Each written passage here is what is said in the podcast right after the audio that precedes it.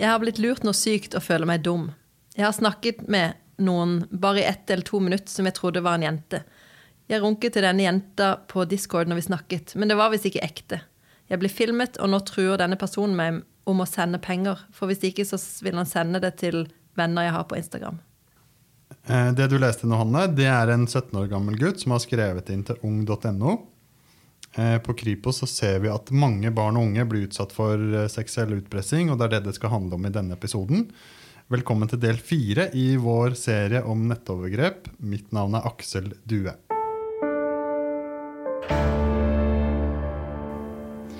Og Hanne, denne 17 år gamle gutten er jo ikke alene.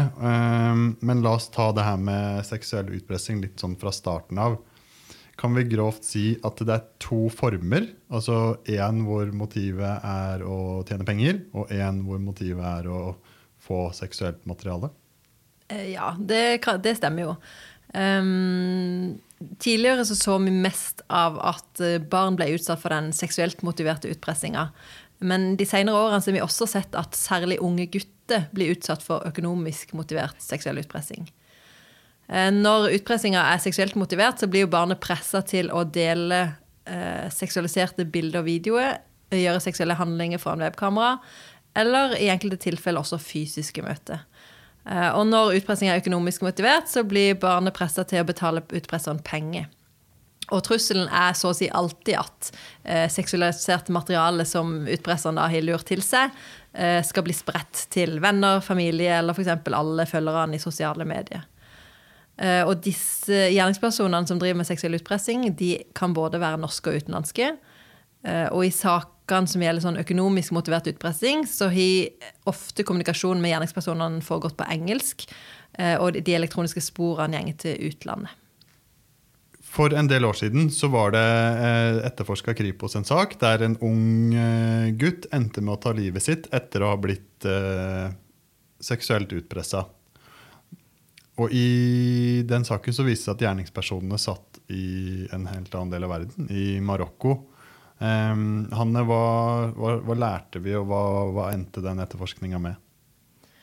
Uh, som du sier, så er jo det her mange år siden. Eh, og det som man erfarte, var jo at det, er, det kan være utfordrende å eh, samarbeide med en del eh, andre lands politimyndigheter. Um, det gjorde jo at um, at, at, altså når man, at man Det gikk jo da mange år før man nå helt nylig fikk en dom i den saken hvor flere personer er blitt dømt for å ha pressa denne unge mannen på en sånn måte at han faktisk endte opp med å ta livet sitt. Um, det har vi jo sett flere eksempler på internasjonalt. Eh, også ny, nyere eksempler enn den her. Og man er jo bekymra for at det også er flere tilfeller av dette enn det vi vet. Det, en, altså det, er jo Noen ganger så kan det nesten være tilfeldighet som gjør at man finner ut at det er det som, på, altså det som ligger bak et, et selvmord. Um, så um, det er Men det som er viktig da for norsk politi, er jo at når man får sånn type informasjon og i sånn type saker, så, så må vi uh, jobbe med Altså vi må gjøre noe med det. Vi må i hvert fall dele den informasjonen man har med det eller internasjonalt. Man må dele det med det landet som det gjelder. Og det pågår også internasjonale operasjoner. På, altså, folk blir dømt for dette, også de som, som opererer fra land som man eh, ikke nødvendigvis i sånn superbra samarbeid med, men det er det nytte. Så, og det også er jo liksom en sånn budskap til de som blir utsatt for dette, at eh, det er det, altså det nytte, man må i hvert fall prøve. Eh, gi det en sjanse, altså anmelde det, sånn at, eh, at, politiet kan prøve å få tatt noen for det. For det er jo også sånn at disse, særlig de som opererer fra utlandet, det er jo organisert. Det er jo, de sitter jo på nesten sånn callsentre og presser unge, eh, særlig da gutter og menn, over hele verden eh, etter å ha lurt de inn i eh, på, F.eks. på videochat.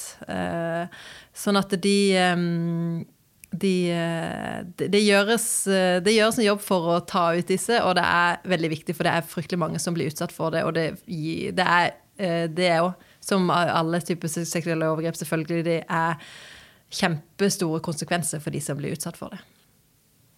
Og selvfølgelig skambelagt og noe som gjør det vanskelig å si fra, som vi skal komme tilbake til. Absolutt. Um, hvordan går, altså, Tone, hvordan går gjerningspersoner fram for å komme i posisjon til å sette i gang denne utpressinga? De er jo kreative, og blir jo mer kreative uh, i de måtene å gjøre det på. Uh, men det vi ser, er at noen ganger så er jo den utpresseren en de kjenner. Uh, som, men som oftest er det en ukjent, en nettvenn. Og så bruker de ulike måter for å oppnå tillit. Noen kartlegger ungene i forkant for å avdekke relasjoner og interesser. Liksom, hva er det ungene snakker om? Og, um, de kommuniserer gjerne på barnas premisser. ikke sant? Er det niåringer, så går de liksom i nivå der også i kommunikasjon. Er det tenåringer, så er de litt annerledes i kommunikasjonen sin. Og de vet jo hvordan barna uttrykker seg, og hvordan sjargong de benytter.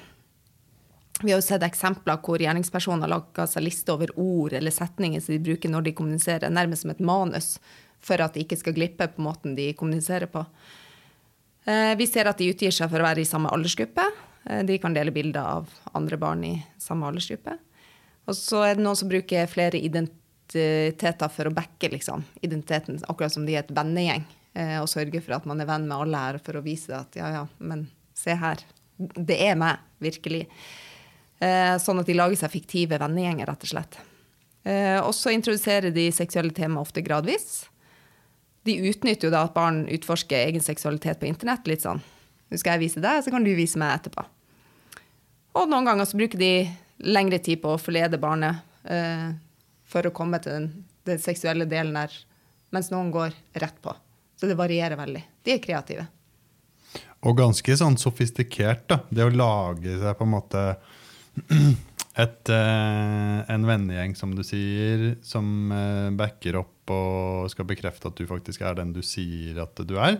Så i, med det i mente, og man vet at eh, barn og unge er jo ganske enkle å manipulere som en voksen, så er det jo en litt sånn farlig miks. En kjempefarlig miks. Jeg tenker at det, kaller det vanlig å ha nettvenner, man møter andre på nett. Og når vi har voksne som er så utspekulert, så er det ikke rart at barna blir lurt. Og igjen det at da må jo vi voksne også ha snakka om det, og hva er det man kan møte på andre sida av den skjermen? Er de den de begir seg ut for å være? Vi har jo lært ungene i mange år å ikke snakke med fremmede på gata, eller den hvite varebilen som alle snakker om. Men vi må jo også snakke om hvem er det som er på den andre sida av skjermen. Hvem er det som er i chatten der? Mm, den digitale hvite varebilen? Den digitale hvite varebilen, rett og slett. Um, og nå, nå, er vi inne på hvor motivet ofte er seksuell, altså seksuelt motiv. Mm. Eh, og hvordan selve utpressingen, da, når man på en måte har klart å etablere kontakt og eh, skapt et tillitsforhold, hvordan foregår selve utpressingen, Hanne? Eh, ja, det er jo selvfølgelig veldig ulikt, men som regel så ser vi jo at uh, gjerningspersonen da først innynder seg hos barnet og lurer det til å dele noe seksualisert materiale. Kanskje noe litt mer sånn uh, uskyldig eh, materiale. Eh, men så, når eh, da han, jeg sier han, for det er som regel han, eh, har fått tak i det, så snur ofte hva skal jeg si, tona seg veldig brått. Da, da begynner den utpressinga. Eh, tona er ikke lenger sånn flørtende og hyggelig, men, men, eh, men blir en helt annen. Og da har jo da gjerningspersonen fått det han eh, trenger til å presse barnet til å gjøre det som han vil. Um, og um, i mange tilfeller så ser vi jo at uh, disse sakene med seksuell utpressing har utvikla seg veldig raskt. Altså Før så, så man kanskje i enda større grad disse, sånn som Tone beskriver det, at de bruker god tid, og de blir liksom en venn og så en kanskje nettkjæreste da med disse barna, og lurer de i større grad uh, enn en å presse de. Men, men nå um, Vi ser også at i det tilfellet nå i det siste, særlig den, den varianten her som er mot, nei, eh, økonomisk motivert, at, at, det går veldig fort. Og at uh, det går veldig fort fra de kommer i kontakt, til uh, de gjør noe seksuelt foran webkamera. Sånn som det er eksempelet fra Ung. Altså Ett til to minutter hadde de snakka sammen før han da runka foran webkamera til denne jenta da, som han trodde han hadde møtt. Liksom, der har vi det. Ikke sant? Og da, når, er, når de da har på en måte fått dokumentert det de trenger, så eh, så snur det. Eh, så vi må, vi må jo lære dem å være mer kritiske. Fordi at eh, de, altså de, blir, de blir lurt. Og det er ikke rart de blir lurt heller, for dette er det som, som vi snakka om også tidligere i episode, at teknologien og nå er jo så bra at du kan ikke alltid se at altså, Du kan se ut som at du snakker med en reell person på video, og så er det faktisk ikke den personen som er sitter i andre enden. Så det er, de, de må eh, være mer kritiske. Du, Tone, du snakker om dette med sånn nettvenner. Eh, du kan ikke si eh, Altså, ikke, ikke vis deg naken for noen du ikke kjenner. ikke sant? Men de, de, blir jo så fort kjent på nett. De er jo masse venner på nett som de aldri har møtt. Uh, og så er det kan godt være at mange av disse er reelle uh, ungdom og en hyggelig relasjon. Men uh, når, når, ting går så fort som vi ser at det gjør i enkelte tilfeller, så, så har man ikke tid til å vurdere det og faktisk sjekke ut noe som helst i de eh, seksuelle utpressing med økonomisk med motiv, så ser vi jo det at som Hanne sier, det går så kjapt fra et minutt til to, så de, er de i gang med utpressinga. Eh, det vi ofte ser, er jo at det er en video av noen som onanerer på andre sida. Og det er jo liksom der å få barn og unge, også voksne, til å innse at det er ikke noen som ringer deg opp eller eh, tar en DM og møtes på en eller annen plattform for å onanere sammen etter et minutt. Du må gi det litt tid. Eh, er det så kort imellom den første kontakten til at noen kler seg naken, som du aldri har snakka med før, så er det Rødt flagg. Det er så rødt flagg. Ja, det er for godt til å være sant. sant rett. Da er det for ja. godt til å være sant. Det er jo faktisk sånn det er ingen jente på 14 år som ringer rundt. Vi har ingen eksempler av det, det som, som DM og, og ber dem å, å, sitte og runke, og så kan hun onanere på, på cam etter et minutt. Nei, det, det er ikke virkeligheten. Mm. Og da har de gjerne sånn kartlagt eh, vennene dine på Instagram og Facebook og familie kanskje og sier sånn Ok, jeg sender til den, og sender til den, og sender til Utfordringa er jo at veldig mange har åpne profiler. Og med å ha åpne profiler så er det veldig lett å kunne plukke av, av vennelister. Og det er også teknologien der det bare tjupp, så har de vært og henta ned det du måtte trenge, og de bruker jo gjerne profilbildet ditt ifra Altså, de lager Altså, mailen på utpressinga ligger jo klar, nærmest, uh, før de har tatt kontakt. Så de kartlegger, de har en plan. Det her er Callsentrene er ganske profesjonelle, som sagt. Mm. Um, og både i saker som dreier seg om hvor det er et økonomisk motiv for utpressinga, og for uh, de sakene hvor det er et seksuelt motiv, så, så er jo de her gjerningspersonene uh, De kan skape ganske mye lidelse. Uh, hva er det som gjør seksuell utpressing så farlig?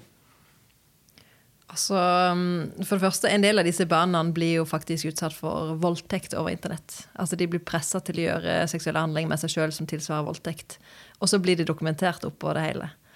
Um, og det er jo veldig alvorlig. Um, og vi ser jo også det at en del gjerningspersoner har jo fått holde på uforstyrra i flere år uten at noen av de som er blitt utsatt, uh, har turt å fortelle det til noen, om, altså fortelle om det som har skjedd til noen. Og det gjør jo at noen av de rekker å få mange ofre før de blir stoppa. Uh, og det må vi jo gjøre noe med. At, altså, vi, barn må jo vite at de må fortelle det til en voksen når de opplever sånne ting på nett.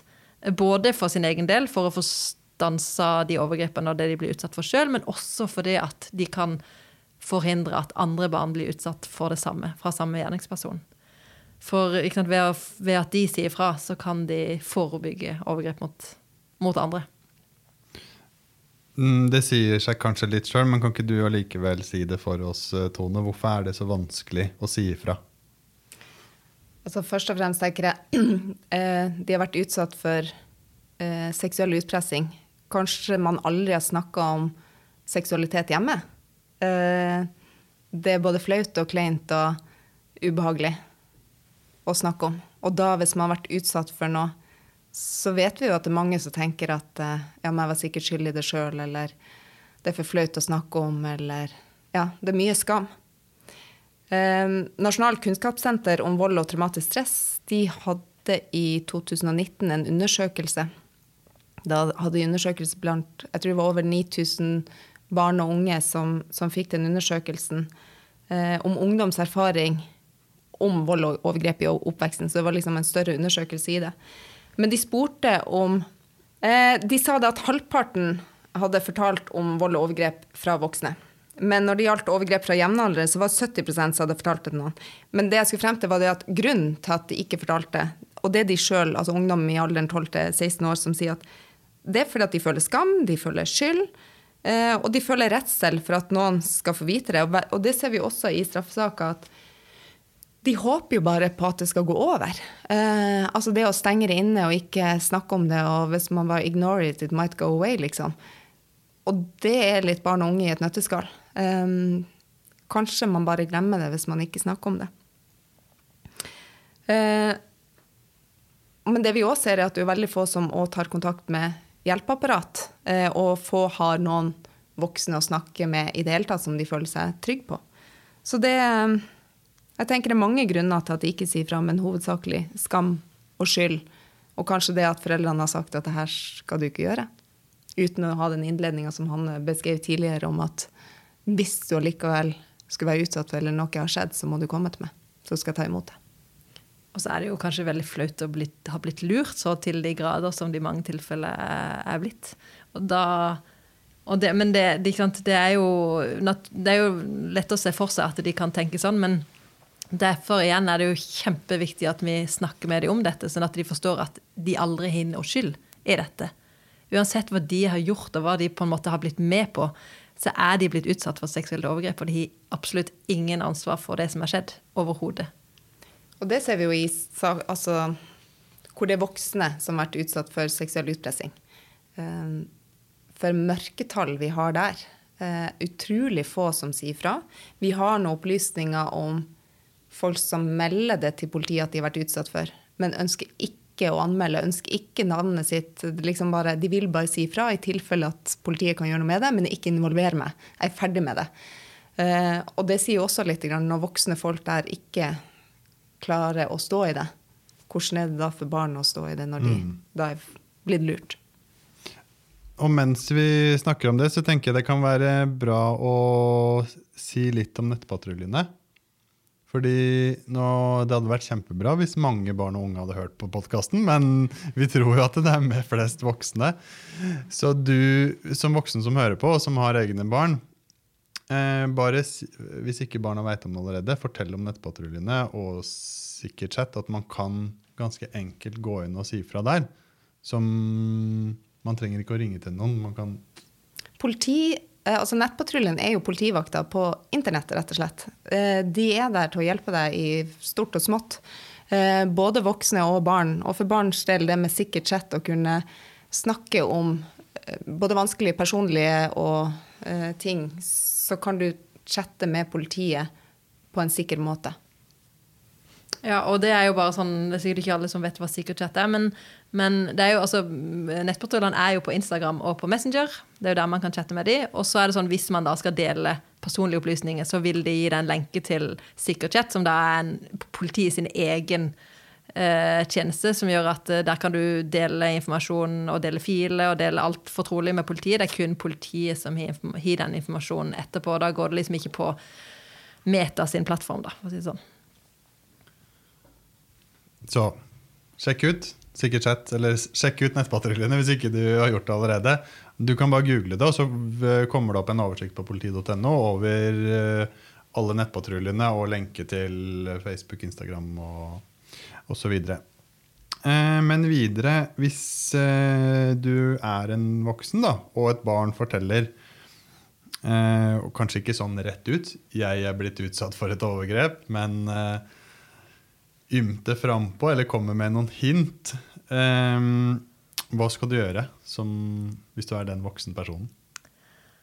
Um, det viktigste er jo å være åpen for det som kommer, uansett hva det er som kommer. Uh, la barna fortelle. Uh, oppfordre dem til å fortelle mer. Uh, man skal jo ikke nødvendigvis grave i informasjonen og stille veldig sånn detaljspørsmål, men det å la barnet fortelle det de har begynt å fortelle på oss, altså stille helt, helt åpne spørsmål. Be de om å fortelle mer.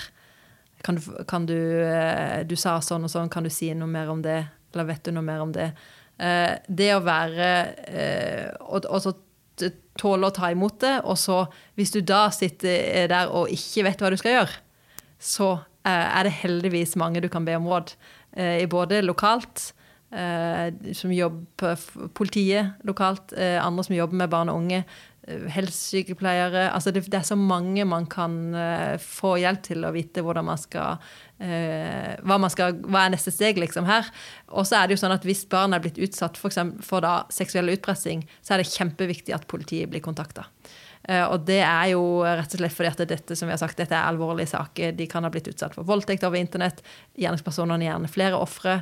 Eh, det er kjempeviktig at politiet får denne informasjonen. Eh, og da eh, Da er det jo viktig at den, altså den første voksne som barnet tør å fortelle det til, tar imot barnet på en ordentlig måte og hjelper til med å, og hva, hva gjør vi nå?